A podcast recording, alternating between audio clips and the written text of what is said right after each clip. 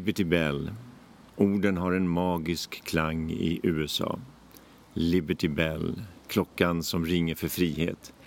Men frågan är, frihet för vem?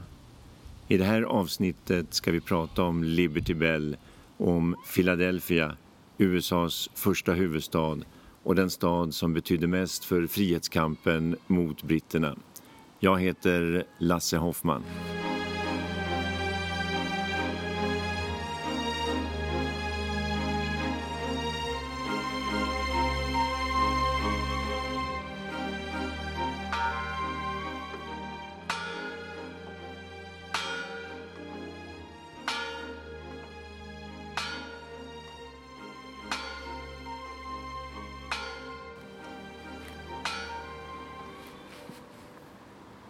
Låter en eh, kopia av Liberty Bell som körs runt i dagens Texas och ringer vid eh, soldatbegravningar.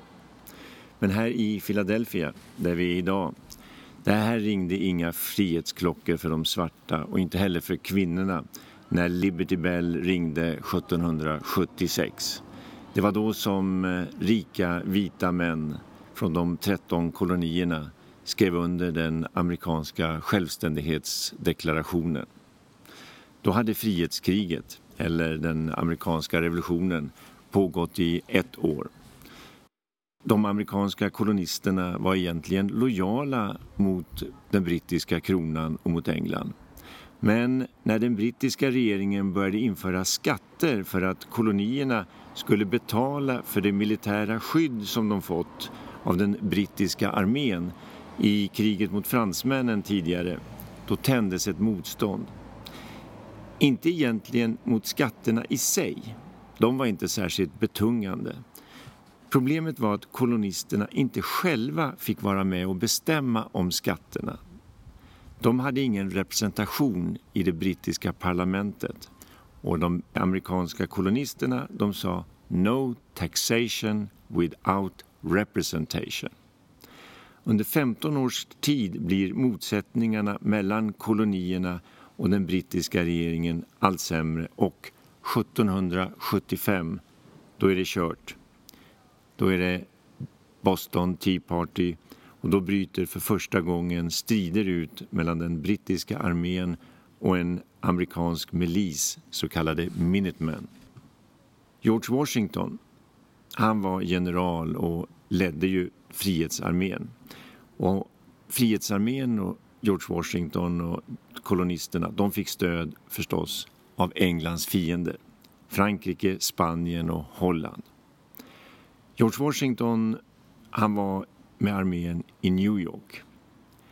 I Philadelphia här satt Thomas Jefferson och skrev på självständighetsförklaringen. Han skrev We hold these truths to be self-evident that all men are created equal, that they are endowed by their Creator with certain unalienable rights, that among these are life, liberty and the pursuit of happiness. Det var vita män som var skapta lika och som skaparen hade utrustat med sådana oskiljbara rättigheter som liv, frihet och strävan efter lycka. Svarta får inte plats och inte heller kvinnorna. Han med pennan, Thomas Jefferson, han hade flera hundra slavar hemma på den egna farmen Monticello nere i Virginia. George Washington, han hade också slavar. Den engelske slavmotståndaren Thomas Day, han skrev redan samma år, 1776, att om det finns någonting som är verkligt löjligt så är det en amerikansk patriot. Han som med ena handen skriver under självständighetsförklaringen men med den andra handen svingar han piskan över sina förskrämda slavar. Även Philadelphias egen superhjälte, Benjamin Franklin, ni vet han som flög drake och uppfann åskledaren. Inte heller han är fläckfri. Han var också ett barn av sin tid. När han växte upp i 1700-talets början då fanns det slavar i alla de amerikanska kolonierna. Även i det som senare skulle kallas nordstaterna. Och Benjamin Franklin ägde själv sju slavar.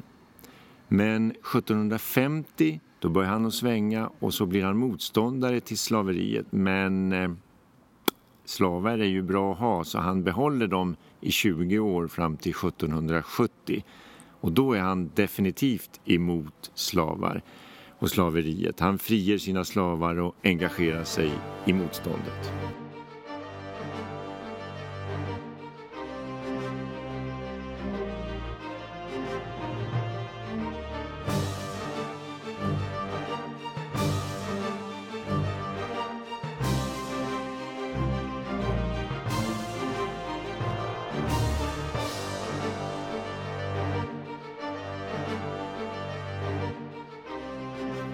Benjamin Franklin, ja.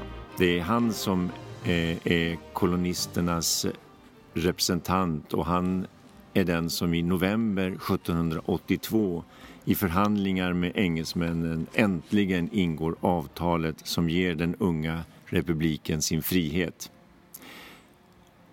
Och faktiskt, året därpå, 1783, den 3 april, då undertecknar den svenska ambassadören i Frankrike, han heter Gustav Philip Kreutz, han undertecknade ett vänskapsavtal tillsammans med Benjamin Franklin och Sverige blir faktiskt det första land utanför de stridande länderna som erkänner USA.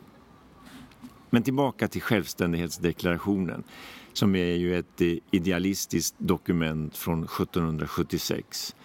Den amerikanska konstitutionen som ska ligga till grund för hur den nya republiken ska styras, den är ju 11 år yngre. Den kommer till först 1787. Fyra år efter att England gett upp hoppet om de amerikanska kolonierna och Benjamin Franklin skrivit under avtalet. Då ville män som Benjamin Franklin inte ens diskutera slaveriet. Den så kallade amerikanska revolutionen kanske redan hade stelnat för det finns ingenting i konstitutionen om att alla människor är skapta lika. Men för amerikanerna är detta en riktigt klassisk strof och en av de mest kända meningarna skrivna på engelska om man får tro dem rätt. Och här står jag nu i Philadelphia där frihetsklockan ringde för första gången. Och här finns hon fortfarande kvar, The Liberty Bell och är idag en stor turistattraktion och något av en av de amerikanska kronjuvelerna skulle man kunna säga. Fast det är ju inte ens säkert att hon ringde den 4 juli 1776. Eller snarare, det är säkert att hon inte ringde. Även om den amerikanska självständighetsdeklarationen skrevs bara några hundra meter från där vi är just nu. Det var först fyra dagar senare faktiskt, den 8 juli, som det hela blev offentligt. Och då ringdes det i många kyrkklockor på den amerikanska östkusten. Och kanske även i Liberty Bell, men det är inte säkert. För om man tittar på Liberty Bell idag så är det en stor spricka som gör den helt obrukbar. Den går inte att använda längre. Den där stora sprickan, den är nästan lika känd som själva klockan. Eller det är kanske sprickan som har gjort klockan ännu mera känd. Troligen var det så att klockan var dålig redan när den kom från tillverkarna i England. Men det här är ju på 1750-talet och det är inte så lätt att skicka tillbaka grejer till tillverkaren när de inte funkar. Det fanns ju inte någon returrätt kan man säga. Sprickan kan ha lagats eller ska ha lagats någon gång. En del skyller på att det fanns två odugliga smeder som fick uppdrag att laga en liten spricka men som istället klantade till det och det blev en jättespricka, den sprickan som de har idag. Ni kan se bilder på Liberty Bell och sprickan på vår hemsida hapster.se.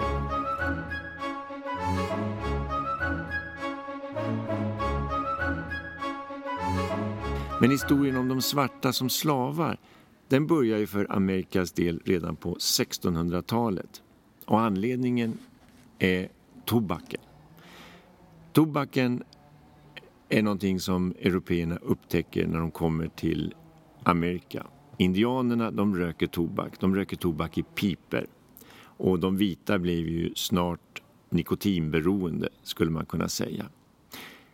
Tobaksplantager blev också en stor grej. Efterfrågan på tobak var dock alltid större än tillgången och det saknades hela tiden arbetskraft till det oerhört tunga arbetet på de oerhört heta tobaksfälten i söder. Det var då som slavhandeln från Afrika kom igång via Karibien till USA. Även vi i Sverige försökte få vår del av kakan. Vi hade ett eget litet fort, Cabo Corso, utanför Ghanas kust och till slut så köpte vi också en liten ö i Karibien, Sankt Bartolomé. Dessbättre blev det här inte några succéer. När de engelska kolonierna i Amerika blev fria och när USA skapades, då hade behovet av slavar minskat och många hoppades att slaveriet skulle på något vis självdö. Men så kom några uppfinningar som effektiviserade bomullshanteringen och behovet av billig arbetskraft, det vill säga svarta slavar, det ökade dramatiskt igen. Vi är ju i Pennsylvania och Penn, det är efternamnet på en engelsk kväkare. Han heter William Penn, en av de rikaste engelsmännen i slutet av 1600-talet. Han var så rik så han kunde låna ut pengar till den engelske kungen och till slut blev den engelske kungens skyldig Penn så mycket pengar så att han inte kunde betala tillbaka annat än att han eh, gav Penn ett stort landområde i Amerika. Kungen Karl den store han döpte det här landområdet till Pennsylvania, Penns skog. William Penn han är långt före sin tid. Han är pacifist, förespråkare för demokrati och för religionsfrihet. Själv var han kväkare och trots att han hade fått Pennsylvania av kungen så betalade han den lokala indianstammen Lenape för marken och det rådde goda relationer mellan kväkarna och indianerna. Den nya kolonin den behöver en huvudstad och William Penn grundar den och döper den till Philadelphia. Det är grekiska för broderlig kärlek. Philos är kärlek, Adelphos broder. Philadelphia. Här rådde från början total religionsfrihet och tolerans för oliktänkande. Och det lägger grunden för Philadelphias snabba tillväxt. Det har ju enorm dragningskraft på entreprenörer och nytänkare att helt få tänka fritt. Sånt driver ju utvecklingen framåt. Och stan blir snabbt större än både New York och Boston. Stan blir också den viktigaste hamnen på östkusten.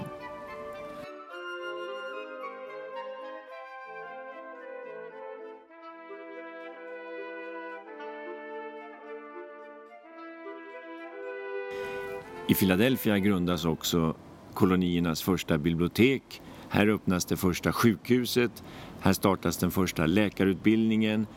Och stan blir USAs första huvudstad medan staden Washington byggs. Här fick man också den första aktiebörsen och senare på 1800-talet så öppnar landets första zoo här. Och landets första och fortfarande finaste handelshögskola finns i Philadelphia.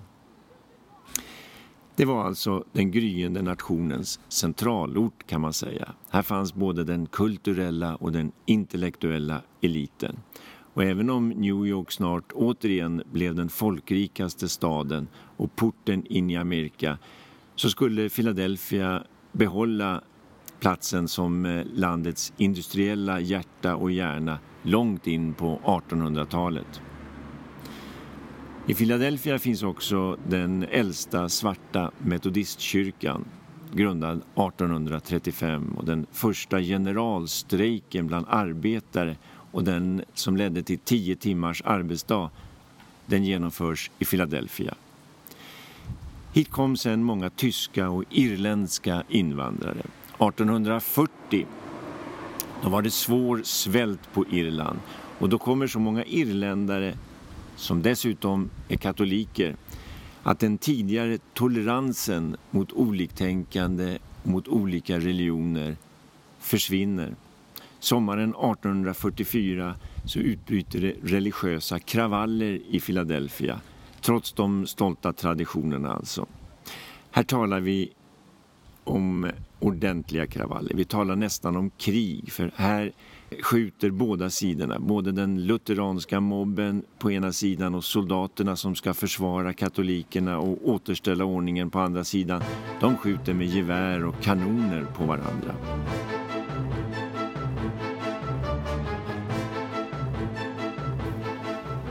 Immigrationen fortsätter. Här kommer ryska invandrare, hit kommer många italienska invandrare. I Philadelphia är fortfarande Italian Market välkänt. Och efter inbördeskriget så kommer också många svarta från sydstaterna. Från 1880 till 1930 så ökar de svarta från 30 000 till 220 000. Motsättningarna mellan de vita invandrarna från Europa och de svarta från söder, de växer, de konkurrerar om samma enkla jobb.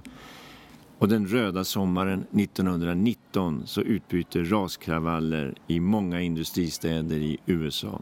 I Philadelphia blir de svåra, även om de värsta var i Chicago. Det här är ingen stolt tid för Philadelphia. I början av 1900-talet så beskrivs stan som korrupt och bekväm, corrupt and content. Och det blev inte bättre under förbudstiden när alkohol var förbjudet i USA.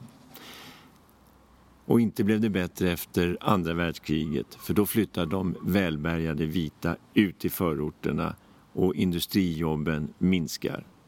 Skatteintäkterna de blir mindre och i slutet av 1980-talet är Philadelphia i princip konkursmässigt. Det är ingen rolig utveckling för USAs vagga men det är samma utveckling som många andra amerikanska storstäder har fått se. Tillbaka till Liberty Bell förresten. I kampen mot slaveriet under första delen av 1800-talet så användes oftast, ofta Liberty Bell som symbol och senare delen av 1800-talet då använde kvinnorna som kämpade för lika rättigheter, även de använde en klocka som symbol. Även om deras klocka var en Bell of Justice och inte en Bell of Liberty. Och termen Liberty Bell och Bell och Let Freedom Ring den används ofta i USA. I det historiska tal som Martin Luther King höll 1963 i Washington som han själv sa, i skuggan av Abraham Lincoln, den president som avskaffade slaveriet, där återupprepar han Let freedom ring. Let freedom Mountain of Georgia. Let freedom ring from Lookout Mountain of Tennessee. Let freedom ring from every hill and molehill of Mississippi, from every mountainside. Let freedom ring, and when this happens,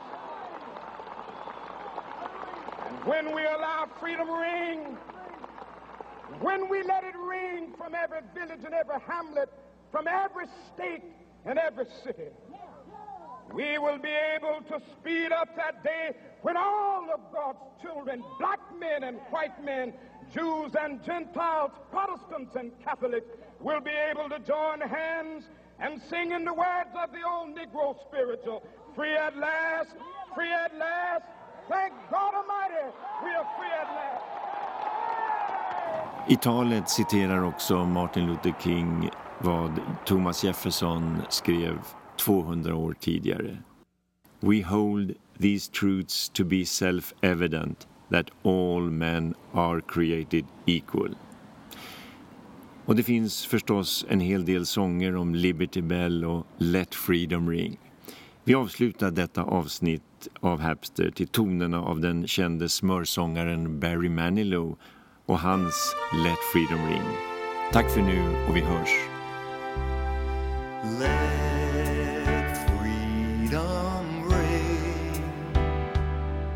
Let its music resound throughout the nation.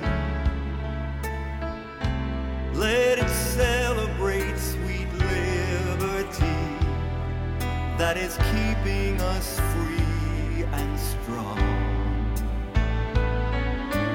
Let freedom ring and let everyone share its inspiration. Let the promise not be satisfied until no one's denied its song. Hapster. Lite djupare, lite bredare, lite mera höjd. Vi reser i nuet, lyfter historien och fångar framtiden. Vi finns på Facebook som Hapster Podcast. Länkar och extra material hittar du alltid på hapster.se på webben.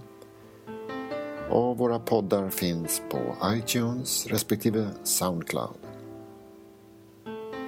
Tack för att du följer oss.